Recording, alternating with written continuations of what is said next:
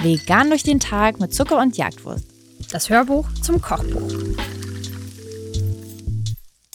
Dieses Rezept ist eines der beliebtesten Rezepte auf dem Blog und ich verstehe absolut wieso. Ja, es sieht schon irgendwie lustig aus durch, ähm, durch die ganzen Kroketten, die sich oben tümmeln. Es sieht ein bisschen aus, als wäre es ein Internettrend, aber war es nie, oder? Hm, nicht, dass ich zumindest wüsste. Also Kroketten sind ehrlich gesagt auch ein absolutes, ähm, das, das, da trifft man, da trifft man mich, da trifft mhm. man einen Softspot bei mir. Ich würde jederzeit alle Pommes der Welt gegen Kroketten austauschen. Ich finde die tausendmal besser als Pommes, ehrlich gesagt. Ähm, es ist aber gar nicht so einfach, vegane Kroketten zu finden und das haben wir auch bei diesem Rezept ähm, sehr oft als Feedback bekommen, dass wir gefragt wurden, woher wir die denn nehmen. Deswegen sei auch hier nochmal erwähnt. Wir haben die sowohl im Bioladen gefunden, als aber dann doch auch im Supermarkt. Die heißen nur manchmal nicht immer Kroketten. Manchmal heißen die auch Rösti oder theoretisch Röstecken. Also ihr müsst mal ein bisschen gucken. Es ist auf jeden Fall überraschend, finde ich auch, weil Pommes, glaube ich, sind immer vegan, wenn man die im Tiefkühler findet. Mhm. Aber komischerweise ist in Kroketten auf einmal irgendwelches Milchzuckerzeug drin, was uns natürlich ein bisschen den Spaß verdirbt. Deswegen, ihr müsst ein bisschen gucken, aber es ist jetzt auch nicht so, dass es das wirklich gar nicht gibt und dass man ganz, ganz lang danach suchen muss. Also man muss wahrscheinlich schon mal auf ein, zwei Packungen gucken, aber wir sind uns sicher, dass ihr in allen größeren Supermärkten fündig werdet.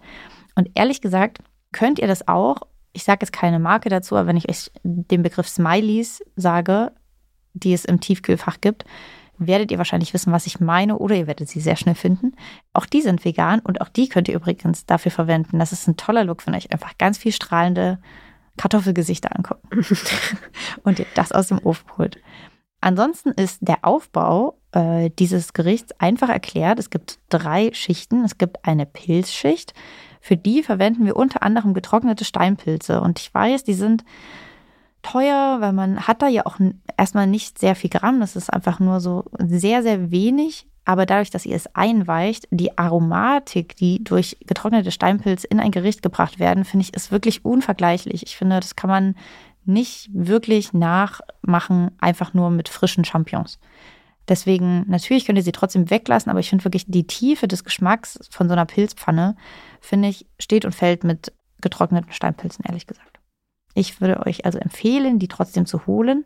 Auch da, ähm, wir haben es sehr oft jetzt schon in diesem Hörbuch erwähnt, aber auch im Asiamarkt findet ihr ziemlich viele getrocknete Pilze, die nicht ganz so teuer sind wie die im Supermarkt. Also guckt da auf jeden Fall mal vorbei. Damit haben wir sozusagen unser Pilzbett ganz unten.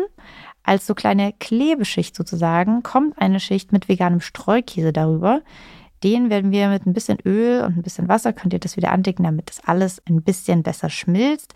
Allein dadurch, dass ihr aber schon mal unten drunter halt eben so eine flüssige Pilzschicht habt, kommt da auf jeden Fall auch schon einiges an Feuchtigkeit, was helfen wird, dass dieser vegane Streukäse auch wirklich schmilzt. Und darüber dann kommt eure ganze Schicht mit Kroketten. Die kleben dann sozusagen auch herrlich an dieser Käseschicht dran und werden dann oben aber ganz toll knusprig. Das heißt, ihr müsst ihr auch nicht vorbacken, ihr gebt einfach die tiefgekühlten Kroketten da drauf. Und das ist also, das ist auf jeden Fall klassisches Comfort-Food für mich.